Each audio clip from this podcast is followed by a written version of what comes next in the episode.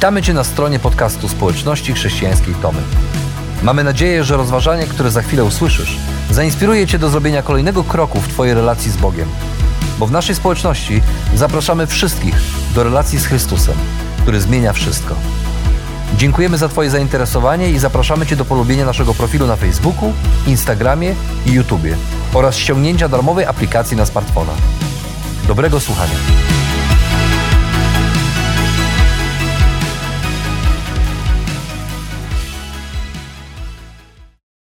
Może trudno jest nam to przyznać tak szczerze, uczciwie przed samymi sobą, ale e, większość z nas e, żyje tak, żeby komuś się podobać.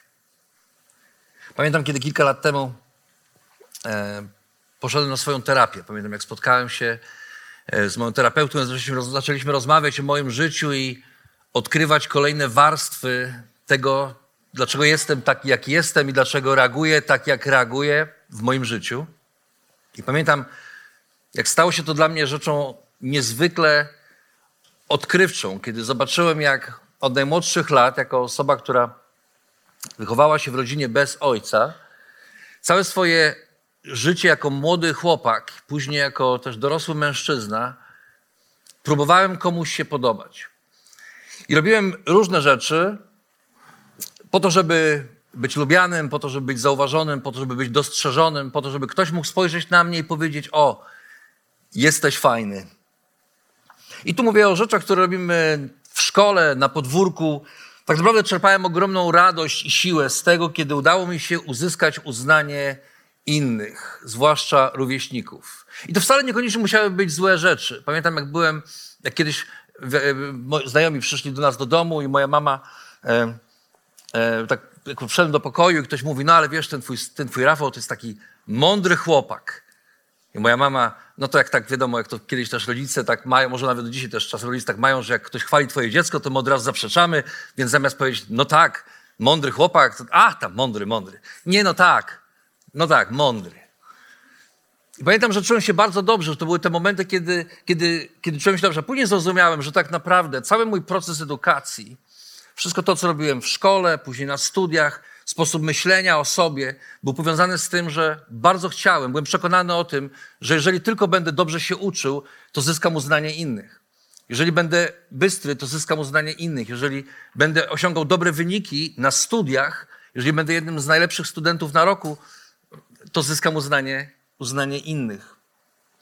I tak jak powiedziałem, to wcale nie muszą być złe rzeczy uczymy się, by podobać się swoim rodzicom, czy to przyjmiemy, czy, to przyznamy, czy nie. Nasze dzieci idą do szkoły muzycznej i grają jakiś utwór, uczą się go grać w domu i kiedy słyszą od mamy czy od taty, ale pięknie zagrałeś, one są zachęcone, żeby jeszcze bardziej chętnie, a też później, żeby występować publicznie. Pracujemy, żeby podobać się swojemu pracodawcy. No, nikt nie pracuje po to, żeby pracodawca powiedział, jesteś beznadziejnym pracownikiem, jutro cię zwalniam, albo dzisiaj się zwalniam, może cię zwalniam, możesz się pakować, iść do domu. Gramy w różne sporty po to, żeby podobać się swojemu trenerowi. Oczywiście gramy po to, żeby wygrać, ale dobrze jest, kiedy trener patrząc z boku spojrzy na nas i powie świetna robota i wystawi nas po raz kolejny w kolejnym meczu, w kolejnym składzie. Ale kiedy zabrniemy za daleko w tej chęci podobania się innym ludziom, w pewnym momencie możemy stać się ludźmi, którzy wyłącznie przeglądają się w życiu innych. Są jakby e, lustrem, który tak naprawdę odbija tych, z którymi on najczęściej, czy ona najczęściej spędza czas. Trochę jak Zelig, bohater filmu Woody'ego Allena. Nie wiem, czy pamiętacie, ale taki dosyć stary film. Ale Zelig jest człowiekiem nikim.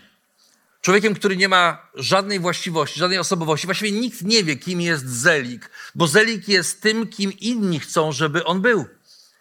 Zelik pojawia się w tam, tam, gdzie trzeba głosić, gdzie są głoszone radykalne hasła i on też staje się bardzo radykalny, ale kiedy trzeba być potulnym jak baranek albo mówić coś, co się innym ludziom podoba w innej kwestii, to on zaczyna żyć zupełnie inaczej i zaczyna mówić, przybiera zupełnie inną formę. Jest jak kameleon, który co do którego nikt nie wie do końca, jaki jest jego prawdziwy kolor, bo on zawsze jest taki jak ludzie wokół niego.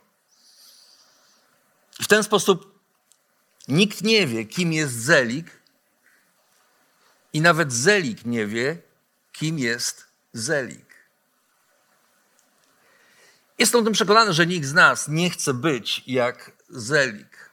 Jesteśmy ludźmi, którzy mają swoją osobowość i nie chcemy rozpuścić się w tłumie. Nie chcemy przeglądać się ciągle w życiu innych ludzi, być wyłącznie jak odbicie tych, z którymi spotykamy się na co dzień. Ale z drugiej strony ciągle jest w nas to pragnienie, żeby się komuś podobać. To znaczy, może nie do końca być tak jak inni, może nie do końca być takim, jakim chcemy, jakim chcą, żebyśmy inni, żebyśmy byli, ale chcemy być lubiani. Nikomu z nas nie zależy na tym, żeby budować, żeby żyć życiem, w którym jesteśmy ciągle w kontrze do wszystkich i wszystkiego. Szukamy kogoś, kto mógłby spojrzeć na nasze życie i pod koniec dnia tak pokiwał głową i powiedział: Dobra robota. Dobrze ci poszło. Udało ci się. Fajnie zrobiłeś. I ten dylemat wcale nie jest takim naszym współczesnym dylematem. Napięcie, które istnieje pomiędzy tym, żeby żyć takim swoim wyjątkowym życiem, a jednocześnie żyć życiem, które się komuś podoba, wcale nie jest dylematem, który jest dylematem XXI wieku. 2000 lat temu, kiedy ludzie w mieście Tesalonika postanowili, że oni będą chcieli żyć w inny sposób niż ludzie, którzy żyli w tamtym mieście, kiedy zaufali Chrystusowi, zaufali dobrej nowinie, którą przyniósł im apostoł Paweł, nagle popadli w tarapaty. Bo okazało się, że życie, które wybrali, przestało się podobać ludziom, z którymi do tej pory żyli. Ci ludzie zaczęli ich prześladować, zaczęli e, robić im przykrości, zaczęli e, mówić o nich źle wobec innych. I oni poczuli się zniechęceni. Pomyśleli sobie, no to jak tu żyć? No jak tu żyć, jeżeli, jeżeli tu słyszymy, że nie tak, tu, tu, tu ktoś z rodziny jest przeciwko nam, występuje przeciwko nam, a z drugiej strony e, wiemy, że chcemy żyć inaczej. No jak tu żyć? Jak tu żyć w tym, w tym napięciu, w którym przyszło nam teraz funkcjonować? Apostoł Paweł pisze do nich list. To jest list, który z jednej strony jest pocieszeniem, a z drugiej strony jest przypomnieniem. I Paweł mówi, wasze życie, ale też wasze cierpienie ma sens w kontekście wieczności, do której zmierzacie, w kontekście wieczności, która wiąże się z powtórnym przyjściem Pana Jezusa, na którego czekacie. I próbuję ich zachęcić, przypominam im o tym, że no tak właśnie jest, że życie chrześcijańskie trochę na tym polega, że kiedy zaczynamy żyć w trochę inny sposób niż ludzie wokół nas, kiedy zawierzymy Chrystusowi, życie wokół nas się nie zmienia, ale my zaczynamy się zmieniać. I kiedy my zaczynamy się zmieniać, coś się zmienia. Zmieniają się relacje z ludźmi, zmienia się postrzeganie ludzi, nas przez innych ludzi i zaczynamy w naturalny sposób żyć w pewnym napięciu z tymi, którzy są wokół nas. I Paweł mówi: Pamiętacie, kiedy przyszedłem do Was, zanim przyszedłem do Was, sporo wycierpiałem. A kiedy przyszedłem do Was, kiedy głosiłem Wam dobrą nowinę, pamiętacie, musiałem uciekać w nocy przed tymi, którzy chcieli mnie zabić. Nie dlatego, że zrobiłem coś złego, ale dlatego, że głosiłem dobrą nowinę. I mówi: i z wami będzie tak samo. To jest takie życie, z którym musimy się też, z tym musimy się liczyć. Musimy włączyć to w nasze życie, bo cierpienie jest częścią chrześcijańskiego doświadczenia.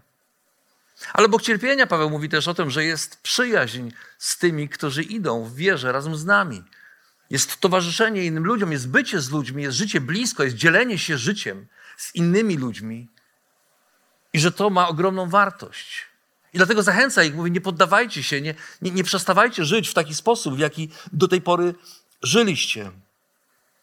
I w czwartym rozdziale przechodzi do tego, aby odpowiedzieć na pytanie, w jaki sposób to życie w kontekście wieczności wpływa na ich codzienne wybory. Bo to nie jest tylko jakieś życie gdzieś tam. I mówienie o wieczności, choć bardzo trudne do pojęcia, nie jest odległą rzeczywistością, ale Paweł cały czas próbuje przypomnieć swoim słuchaczom, że wieczność zaczyna się teraz. Że my dzisiaj żyjemy tak, nawet nie tak, jakbyśmy, ale my dzisiaj żyjemy z przekonaniem, że nie będziemy już, że już nigdy nie umrzemy. Tak naprawdę. Że tylko rozstaniemy się z tym życiem, przesiądziemy się do kolejnego życia I tak naprawdę już nigdy nie umrzemy. Pytanie, w jaki sposób świadomość tego, że nigdy nie umrzemy, ma wpływ na to, jakie decyzje podejmujemy dzisiaj, zwłaszcza w tych trudnych okolicznościach życia. I Paweł pisze tak: w końcu, bracia i siostry, prosimy Was i zachęcamy w Panu Jezusie, postępujcie zgodnie z zasadami, które Wam przekazaliśmy. Takie postępowanie podoba się Bogu. Wy tak postępujecie, ale jeszcze bardziej w tym, wy tak postępujecie, ale jeszcze bardziej w tym celujcie, bo wiecie, jakie zalecenia podaliśmy Wam przez Pana Jezusa. Ewidentnie Paweł musiał wcześniej już powiedzieć Tesaloniczanom, jak mają żyć. I on odnosi się do tego, co już wcześniej im mówił, tak jakby chciał powiedzieć, pamiętacie nasze rozmowy, pamiętacie, czego was uczyłem? Nie chcę, nie chcę, nie chcę wchodzić w szczegóły, ale chcę powiedzieć tę jedną rzecz. W takim, tak jak postępowaliście, tak jak zaczęliście postępować, Paweł mówi tak dalej, postępujcie. Dlaczego? Bo takie postępowanie podoba się Bogu. I Paweł właściwie zamyka tę kwestię tego dylematu co do tego, komu mamy się podobać. To nie znaczy, że nie mamy być lubiani, to nie znaczy, że nie mamy dbać o relacje z innymi ludźmi. Za chwilę powiem więcej na ten temat, ale Paweł bardzo wyraźnie na samym początku stawia tę tezę i mówi: Jeżeli komuś się podobać w tym życiu, to Bogu. Co więcej, Paweł mówi: Wy już tak postępujecie, ale jeszcze bardziej tak postępujcie. W innym tłumaczeniu, czy dosłownie w, taki, w tym tekście jest napisane, żebyście jeszcze bardziej obfitowali. To znaczy, e, że nigdy nie jest, nigdy nie ma końca tego, jak możemy podobać się Bogu. Że naprawdę tam, gdzie wydaje nam się, że już, już bardziej nie można, Paweł mówi jeszcze bardziej. Jeszcze bardziej obfitujcie, jeszcze bardziej celujcie w tym, co już dobrze robicie. Robicie dobrze? To dobrze. Ale spróbujcie jeszcze bardziej. I pewnie to jest też doświadczenie wielu z nas. Im dłużej idziemy za Bogiem, wydawać by się mogło, że im dalej idziemy za Bogiem, tym, tym bardziej powinniśmy mieć to poczucie, że nasze życie wreszcie Bogu się podoba. Ale jeżeli jesteście choć trochę podobni do mnie, to pewnie zdajecie sobie sprawę z tego, że im, albo zauważyliście to, że im dalej idziemy za Bogiem, tym bardziej zdajemy sobie sprawę, jak wiele rzeczy jeszcze w naszym życiu mogłoby się Bogu bardziej podobać. I Paweł mówi: No właśnie, to prawda, już tak postępujecie, ale jeszcze bardziej, jeszcze bardziej celujcie w tym, szukajcie tego, gdzie możecie jeszcze bardziej żyć, tak aby się Bogu podoba. I dalej dodaje, to nie są nasze zalecenia, to nie jest tak, że my wam to mówimy, to nie jest nasza, nasza, nasz sposób nakłonienia was do jakiegoś życia, ale Paweł mówi, to jest, są słowa czy polecenie samego Jezusa, bo celem życia jest podobanie się Bogu. I właściwie w tym miejscu moglibyśmy zakończyć to nasze dzisiejsze rozważanie, bo cóż więcej powiedzieć. Celem życia, Paweł mówi, jest podobanie się Bogu. Mamy żyć tak, aby się Bogu podobać. No ale oczywiście pojawia się naturalne pytanie, co to znaczy podobać się Bogu. I w różnych swoich listach Paweł na różne sposoby opisuje tę rzeczywistość, pokazuje, co to znaczy podobać się podobać się Bogu, żyć zgodnie z tym, czego Bóg od nas oczekuje. Ale tutaj, tutaj w tym kontekście, w liście do Tesaloniczan, Paweł dotyka trzech, trzech przestrzeni życia, które bardzo dobrze pasują też do naszej codzienności i myślę, że my też możemy się w nich przejrzeć i skonfrontować samych siebie, zobaczyć, czy żyjemy życiem, które faktycznie podoba się Bogu. I Paweł pisze tak. Dalej, wolą Bożą jest wasze uświęcenie, powstrzymanie się od nierządu. Każdy z was powinien wiedzieć, w jaki sposób dbać o świętość i o godność w swym pożyciu, nie ulegać namiętnościom jak poganie, którzy Boga nie poznali. Niech nikt w tej sprawie nie, nie dopuszcza się wykroczeń i nie oszukuje swojego brata, gdyż Pan wymierza za to karę. To wam zresztą zapowiadaliśmy i poświadczaliśmy. Wiedzcie, że Pan powołał nas nie do nieczystości, lecz do uświęcenia. I kto ten fakt lekceważy, lekceważy nie człowieka, lecz Boga, tego, który nas obdarza swoim Duchem Świętym. Paweł ma świadomość, do kogo pisze. I ma świadomość tego, co jest największym wyzwaniem dla ludzi żyjącym, żyjących w tamtej kulturze. I dotyka kwestii, która jest tak drażliwa, tak trudna, tak delikatna, a jednocześnie, zwłaszcza w tamtych czasach, ale myślę, że też dzisiaj, tak znacząca, jeżeli chodzi o to życie, które ma podobać się Bogu. Paweł dotyka kwestii seksualnej niemoralności. Tesaloniczanie żyli w czasach, w których cała kultura była przesiąknięta seksualnością, albo właściwie niemoralnością seksualną. Nie tylko kultura, ale ich życie religijne było przesiąknięte seksualnością. Jak pewnie pamiętacie, kiedy, kiedy mówimy o Koryncie, kiedy była mowa o Koryncie, mówiono o córach Koryntu, czyli o kobietach, które prostytuowały się w świątyni jako część rytuału oddawania czci Bogom. Innymi słowy, głównie to było dla panów. Panowie mogli iść do świątyni i robić to, co chcieli robić z kobietami, jednocześnie mając poczucie, że w ten sposób oddają chwałę Bogu. I to była część kultury Koryntu, była to również część kultury tesalonicznej, była to część greckiej kultury w ogóle, w której seksualność człowieka postrzegano właśnie w taki sposób. I to życie religijne było wymieszane z rytualną seksualnością. Dlatego Paweł bierze ten przykład i w oparciu o niego buduje szersze zrozumienie tego, co to znaczy podobać się Bogu. Ale na moment zatrzymamy się przy nim. Paweł pisze, wolą Bożą jest uświęcenie. Zaczyna z grubego C, z wysokiego C. I mówi, wolą Bożą jest uświęcenie. Uświęcenie dosłownie oznacza oczyszczenie. To innymi słowy proces stawania się podobnym do Chrystusa w mocy Ducha Świętego na chwałę Boga Ojca. W tym procesie uświęcenia widać właśnie taki trinitarny charakter Boga, tego, że Bóg jest jeden w trzech osobach. Bóg chce, abyśmy byli podobni do Chrystusa, dał nam przykład tego, jak żył Jezus i chce, żebyśmy do Niego byli podobni. Daje nam moc do tego, abyśmy tak żyli, moc Ducha Świętego. I wreszcie chcemy tak żyć nie po to, aby się chwalić, aby popisywać się wobec innych, ale w naszym życiu uświęcony mamy żyć na chwałę Boga Ojca. Zawsze pamiętać o tym, że to o Niego chodzi, a nie o nasze, o, o nasze poczucie własnej wartości. I ten proces tak naprawdę ma trzy etapy. On się wiąże z naszą przeszłością, teraźniejszością i przyszłością.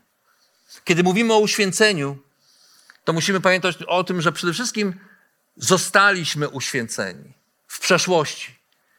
Kiedy uwierzyliśmy w Chrystusa, czytamy o tym, że ci, którzy położyli swoją wiarę w Chrystusa, uwierzyli w to, że Chrystus umarł na krzyżu za nasze grzechy, zmartwychwstał trzeciego dnia, to Chrystus, kiedy uwierzyliśmy w Niego, On nas uświęcił. To znaczy, my ciągle byliśmy ludźmi, którzy żyli, którzy mieli grzeszną naturę i mają grzeszną naturę. Ale poprzez to, że uwierzyliśmy Chrystusowi, Bóg zaczął patrzeć na nas nie przez pryzmat naszych grzechów, ale przez pryzmat ofiary Chrystusa na krzyżu.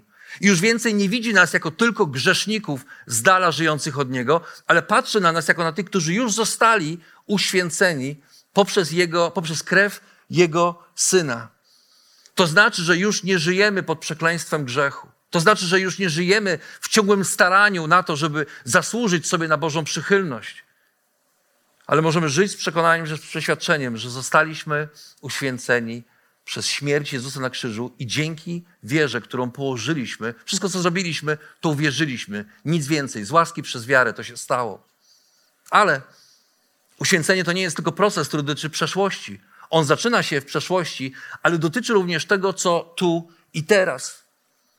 Jesteśmy, nie, zostali, nie tylko zostaliśmy uświęceni, ale jesteśmy uświęcani przez Ducha Świętego, który żyje w nas i pomaga nam każdego dnia przezwyciężyć naszą grzeszną naturę. Uświęcony, czy też święty, to oznacza innymi słowy oddzielony.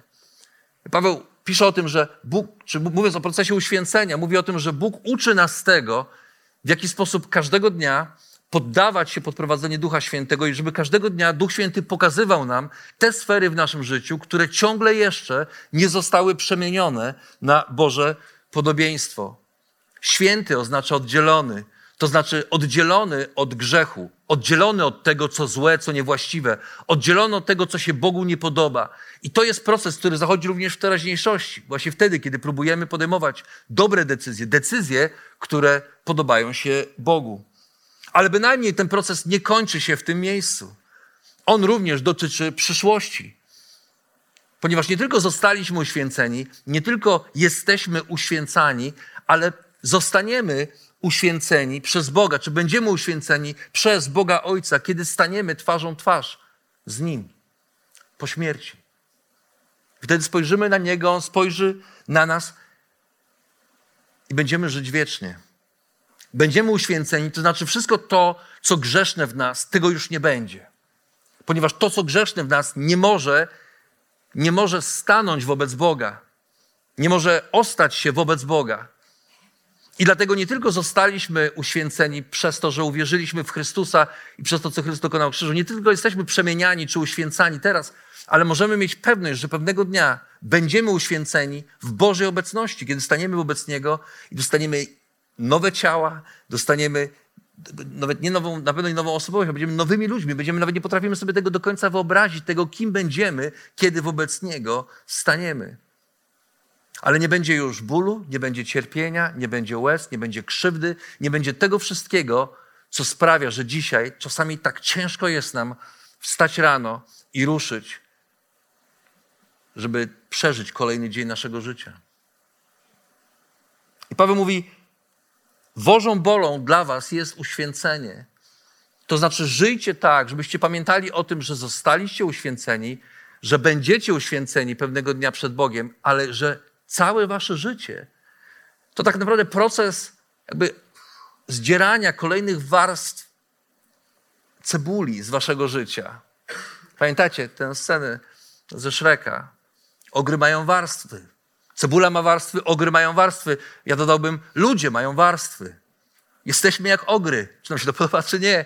Bo my również mamy swoje warstwy w swoim życiu. Te rzeczy, które które Bóg krok po kroku, poprzez moc swojego Ducha Świętego, zdejmuje nas, odkrywa i pokazuje, tu jeszcze trzeba to odrzucić, i to jeszcze trzeba zdjąć, i to jeszcze trzeba przemienić. Jedną z przestrzeni, w której jest to najbardziej wyraźne, zarówno 2000 lat temu w tamtej kulturze, jak i w kulturze naszych czasów, to właśnie sfera seksualna. Apostoł Paweł pisze, powstrzymujcie się od nierządu. I greckie słowo użyte tutaj to słowo porneia, od którego mamy porno czy pornografię w naszym języku. I to słowo porneia wcale nie oznacza tego, co dzisiaj, czyli pornografii po prostu, czy te, tego, typu, tego typu zachowań, czy, czy filmów, czy, czy, czy obrazów, czy zdjęć. Ale porneia oznacza każdą aktywność seksualną poza małżeństwem kobiety i mężczyzny. Powtórzę to jeszcze raz. Nierząd, czyli porneia, oznacza każdą aktywność seksualną, która ma miejsce poza małżeństwem mężczyzny i kobiety. I dlatego ona dotyczy każdego, dosłownie każdego. Ona dotyczy tych z nas, którzy jesteśmy w związku małżeńskim, i dotyczy tych z nas, którzy jeszcze nie jesteśmy w związku małżeńskim, i dotyczy tych z nas, którzy już nie jesteśmy w związku małżeńskim. I często jest dużo bardziej subtelna niż tylko to, że włączymy sobie taki czy inny film w komputerze czy, czy obejrzymy w telewizorze. On ma dużo więcej wspólnego z tym, w jaki sposób myślimy o innych ludziach, w jaki sposób traktujemy nasze żony, naszych mężów, co robimy, aby chronić tę intymność, która jest przewidziana wyłącznie dla mężczyzny i kobiety w małżeństwie. I Paweł pisze o takich trzech rzeczach. Mówi, po pierwsze, dbajcie o świętość i godność w swoim pożyciu. Dosłownie, to jest taki idiom użyty z greckiego, który brzmi: utrzymujcie swoje naczynie w poświęceniu i poszanowaniu. I można to zrobić na dwa sposoby. Paweł pisze, z jednej można zrobić tak, że z jednej strony utrzymujcie swoje naczynie w poświęceniu i poszanowaniu, czyli utrzymujcie siebie, pilnujcie siebie, każdy z nas, jako kobieta i jako mężczyzna. Pilnuj siebie w swojej intymności seksualnej, w tym, czego, czego pragniesz, tym w jaki sposób działasz w oparciu o swoje pragnienia. I to niezależnie od wieku, ale z drugiej strony można to też zrozumieć. Utrzymujcie swoje naczynia w poświęceniu i poszanowaniu, w sensie swoje małżeństwa. Pilnujcie tego, żeby w tym małżeństwie nie wydarzyło się nic, co sprawi, że będziecie zawiedzeni, zasmuceni. I nie bez powodu wśród w nauczaniu o małżeństwie Jezus, a później apostoł Paweł, obaj, niezależnie od siebie, właśnie kwestię niemoralności seksualnej wymieniają jako jedyny przypadek, w którym Jezus mówi o tym, że to jest jedyny przypadek, w którym następuje takie roz, rozdarcie małżeństwa, które upoważnia, daje pretekst, możliwość do tego, aby z tego małżeństwa odejść. To nie znaczy, że tak trzeba zrobić. To nie znaczy, że nie ma przebaczenia, nie znaczy, że nie ma tego, co sprawia, że ludzie potrafią żyć razem. Ale nie bez powodu właśnie sfera niemoralności seksualnej dotyk, jest tak, właśnie, tak ważna, tak kluczowa w kontekście małżeństwa, ponieważ coś pęka, coś rozrywa się, coś, co jest przewidziane tylko dla dwojga ludzi, zostaje naruszone w sposób w pewnym sensie, w pewnym sensie nieodwracalny.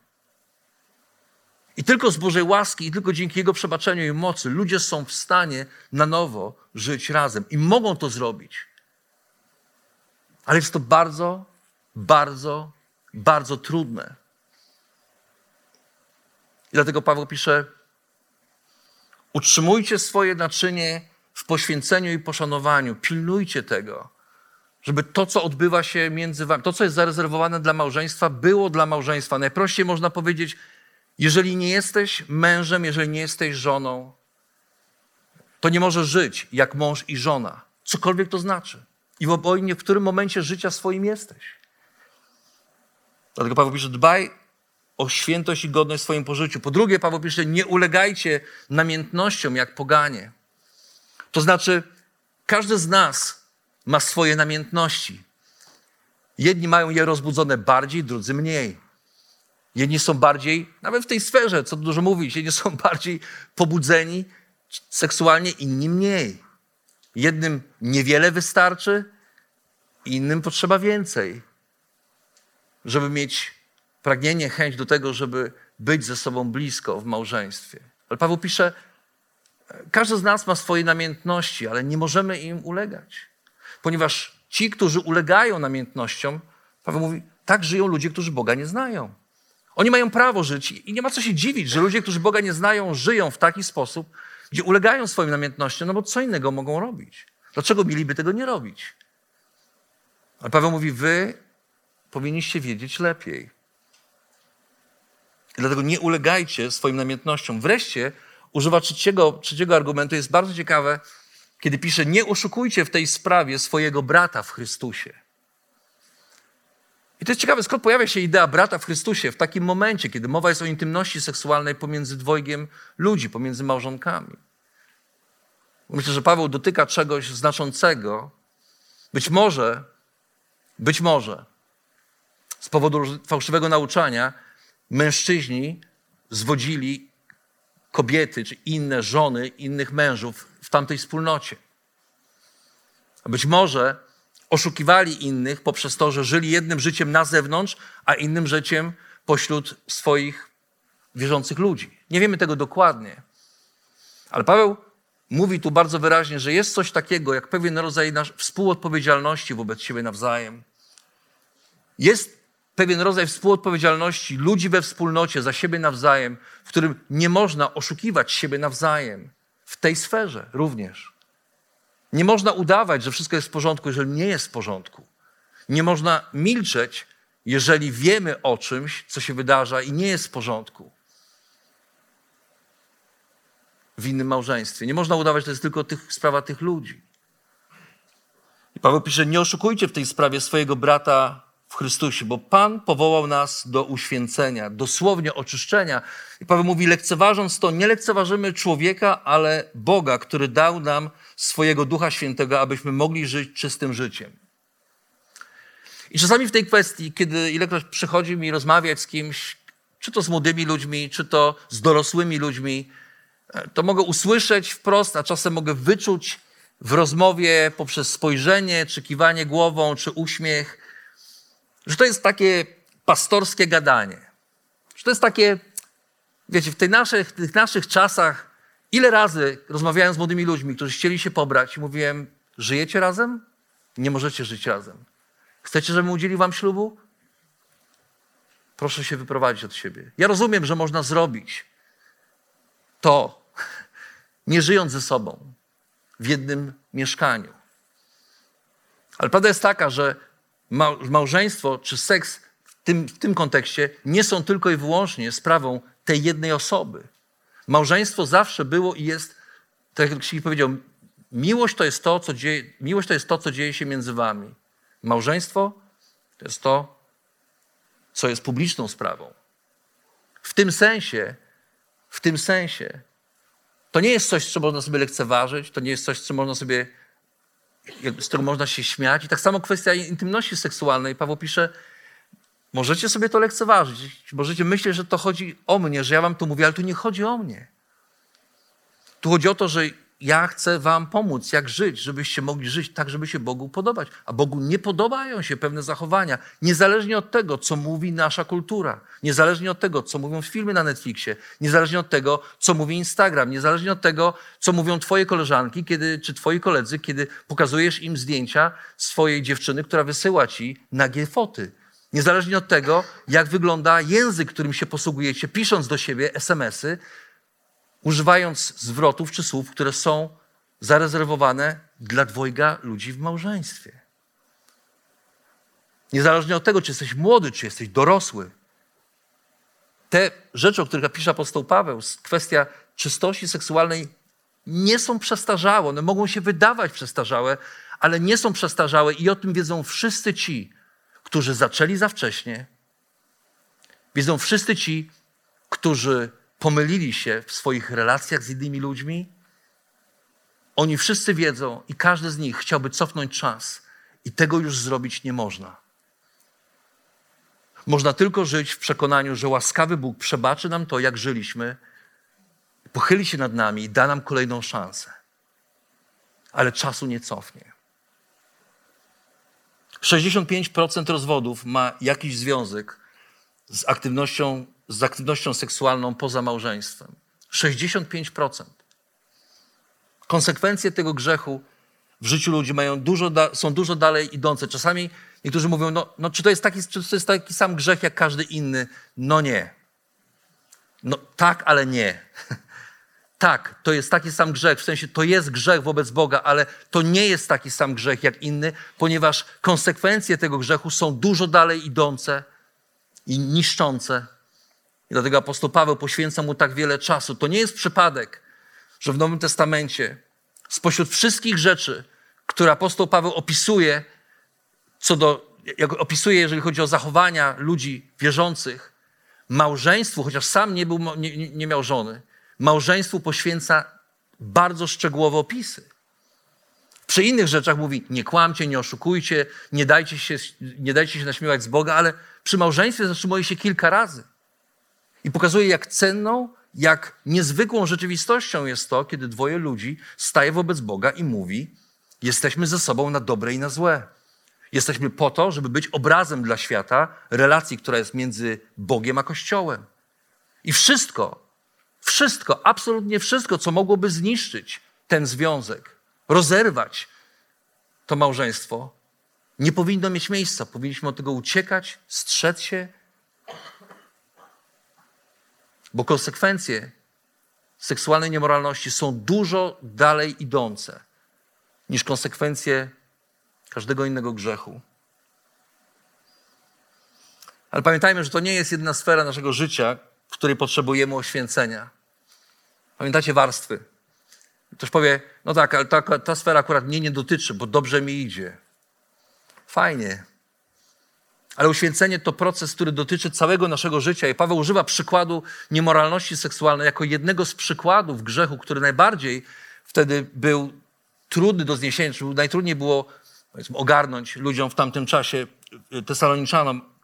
Najtrudniej było się z nim zmagać. Ale tak naprawdę uświęcenie dotyczy życia całego człowieka, wszystkich tych sfer, w których nasze życie ciągle potrzebuje oddzielenia od starych nawyków, od starego, od starego życia. To proces na całe życie, kiedy zdejmujemy ciągle kolejne warstwy tego, co Bóg musi z nas zwlekać z pomocą Ducha Świętego. To proces oddzielania od grzechu każdej sfery naszego życia.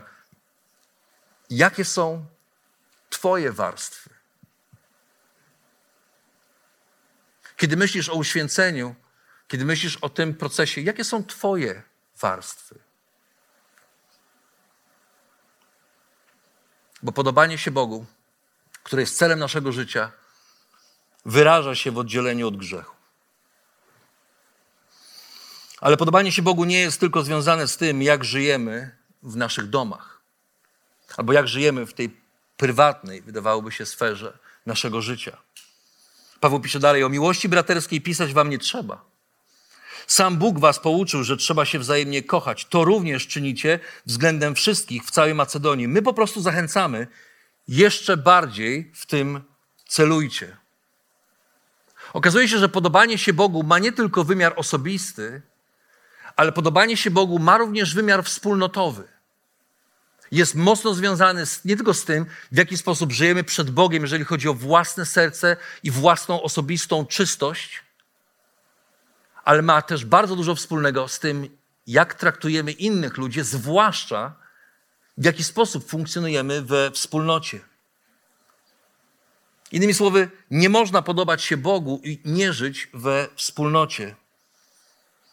Ale to szczególny rodzaj bycia. Zwróćcie uwagę na to, że Paweł nigdzie nie pisze o tym, że tym, co podoba się Bogu, jest to, że jesteś na nabożeństwie.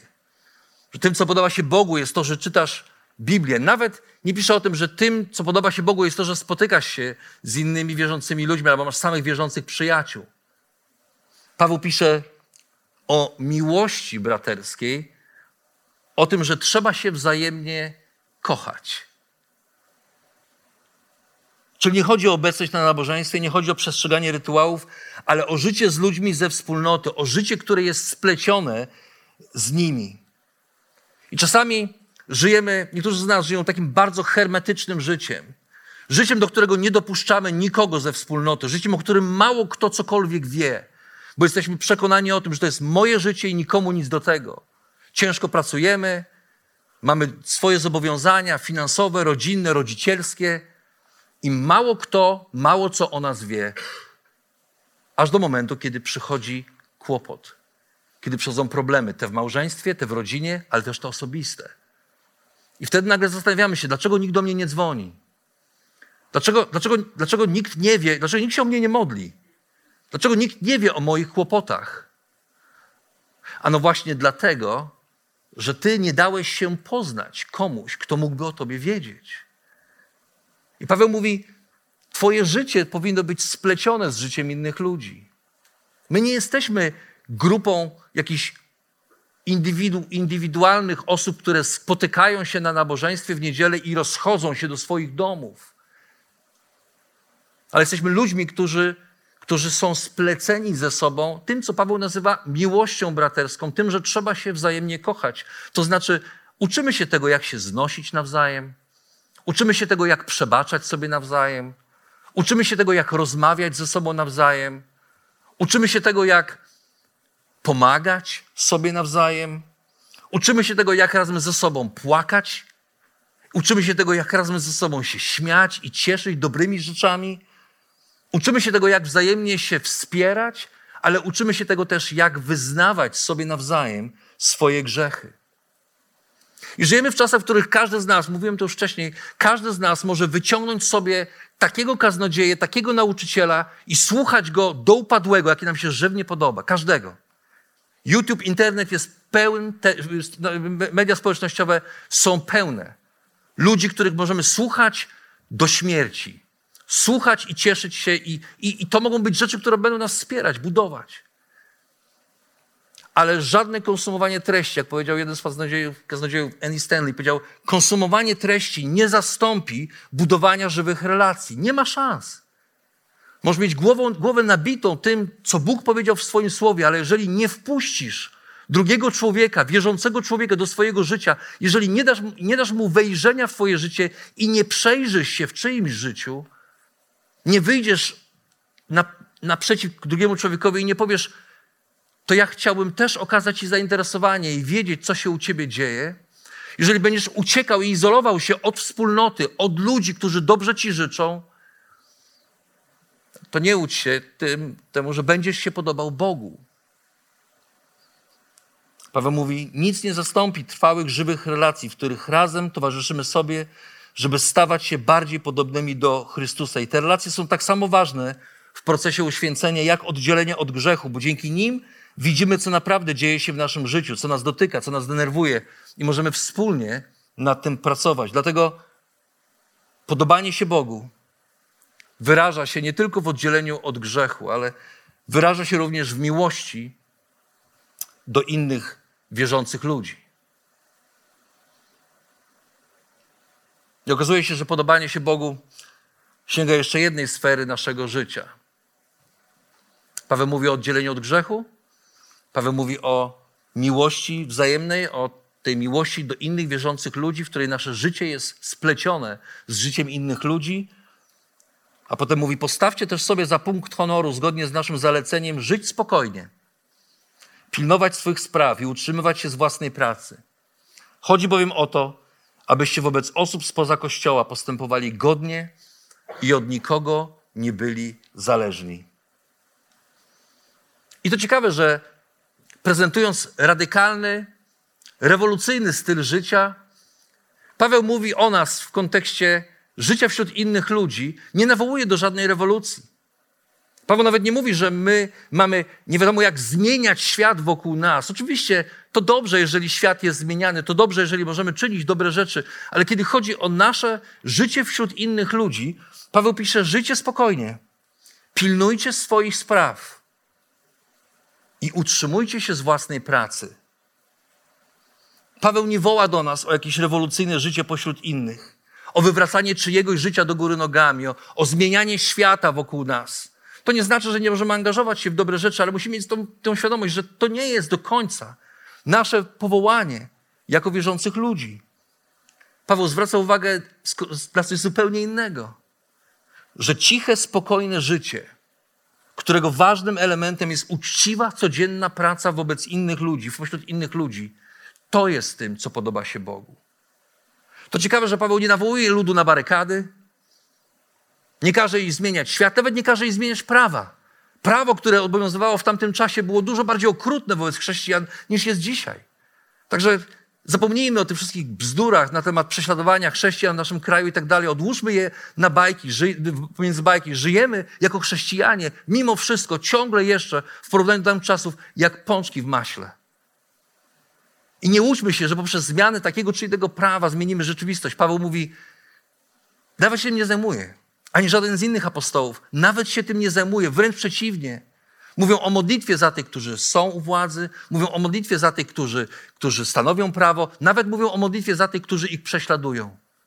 A w tym wszystkim składają wartość, największą wartość kładą na spokojne, rozważne życie, ponieważ Paweł wiedział, że wtedy, kiedy będziemy żyć cichym, spokojnym życiem i uczciwie wykonywać naszą pracę, nie kombinować, nie oszukiwać, nie robić, nie, nie, nie pracować tak, żeby tylko zamknąć wyjść z pracy, już nas nic więcej nie obchodzi, ale żeby robić to uczciwie, za godne pieniądze, ale w uczciwy sposób. Paweł wie, że to jest najlepszy sposób na to, żeby Ewangelia mogła być niesiona do innych ludzi. I dlatego ważnym elementem takiego życia jest uczciwa, codzienna praca. Dlaczego praca? Po pierwsze, Paweł pisze, dlatego, żeby nie być od nikogo zależnym. Jest w tym ogromna wartość życia, w którym nie jesteśmy od nikogo zależni. Życia, w którym nie kombinujemy, jak wyciągnąć kolejny zasiłek. Życia, w którym nie kombinujemy tego, jak zdobyć kolejną tanią pożyczkę. Ale życia, w którym jeżeli tylko pożyczamy pieniądze, to tylko dlatego, że po prostu wyraźnie musimy. Ale Paweł mówi, zapracuj na to. Nie żyj ponad stan, nie żyj w oparciu o to, na co cię po prostu zwyczajnie nie stać. A po drugie, to co Paweł pisze, to to, to, to że w naszej pracy w tym, jak pracujemy, ujawnia się cały nasz charakter. I ktoś kiedyś powiedział: Daj mi człowieka na tydzień do roboty i powiem ci wszystko o nim. Tylko poprzez to, jak będę obserwował to, jak pracuje. Możemy zażegać się na wiele sposobów, jacy jesteśmy, ale w pracy widać wyraźnie, co dla kogo jest ważne, jaki mamy charakter. W pracy naprawdę wiele wychodzi. I dlatego, kiedy patrzymy na miejsce naszej pracy, Paweł nigdzie nie mówi o tym, że to jest miejsce, które jest naszym przekleństwem. Nigdzie nie, jest, nigdzie nie pokazuje tego, że to jest miejsce, z którym, które, na które musimy ciągle narzekać. Ale Paweł mówi, tam gdzie pracujesz, jakakolwiek by ta praca nie była, pracuj uczciwie, żyj godnie i nie daj się wciągnąć w długi, które są dla ciebie nie do uniesienia. I mówi to po co, dlaczego? Dlatego, że to pokaże ludziom spoza wspólnoty, kim naprawdę jest Bóg. Dlatego podobanie się Bogu wyraża się w godnym życiu pośród ludzi spoza wspólnoty. A zatem osobiste życie i, i oddzielenie od grzechu, życie we wspólnocie z innymi wierzącymi, gdzie nasze życie jest splecione z innymi ludźmi. Po trzecie, uczciwa, godna praca. Życie w taki sposób, aby poprzez to, jak pracujemy, okazywać szacunek naszym pracodawcom, naszym pracownikom, ludziom, którym służymy, którym usługujemy, robić to, co robimy, najlepiej jak potrafimy, choćby to była najmniej ceniona czynność na tym świecie. I Paweł mówi, że to są te trzy rzeczy, które sprawiają, że życie człowieka może podobać się Bogu. Ktoś zapyta, dlaczego tak? A no właśnie dlatego, że to są te trzy rzeczy, które sprawiają, że nasze życie ma znaczenie w kontekście wieczności. Bo kiedy dążymy do tego, jaki jest Bóg, a Bóg jest święty, wtedy nasze życie zawieszone jest w wieczności i możemy na nie patrzeć z tej perspektywy. I kiedy wyrażamy to, jaki jest Bóg, to znaczy, kiedy kochamy ludzi wokół nas, bo Bóg jest miłością, wtedy nasze życie zawieszone jest na wieczności i pomaga nam lepiej podejmować decyzje tu i teraz. I wreszcie, kiedy żyjemy godnym życiem wobec innych, mamy możliwość przedstawić Boga we właściwy sposób ludziom spoza naszej wspólnoty. I dlatego, kiedy żyjemy oddzieleni od grzechu, w miłości do innych wierzących i postępując zgodnie wobec ludzi spoza wspólnoty, nasze życie podoba się Bogu i ma znaczenie w obliczu wieczności. Dlatego nie bądź jak Zelik, nie bądź jak człowiek, który nie ma swojej osobowości, nie bądź jak człowiek, który nie ma swojego charakteru, ale pamiętaj, że naprawdę celem życia jest podobanie się Bogu, a nie ludziom. I kiedy nasze życie podoba się Bogu, wtedy naprawdę ma ono znaczenie w obliczu wieczności, nie tylko dla Ciebie, ale też dla ludzi wokół Ciebie.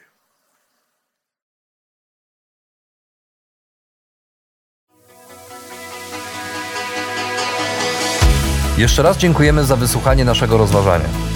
Jeżeli mieszkasz w okolicach Tomaszowa Mazowieckiego lub Łodzi, zapraszamy Cię do odwiedzenia nas na niedzielnym nabożeństwie. Więcej informacji znajdziesz na stronie schatomy.pl.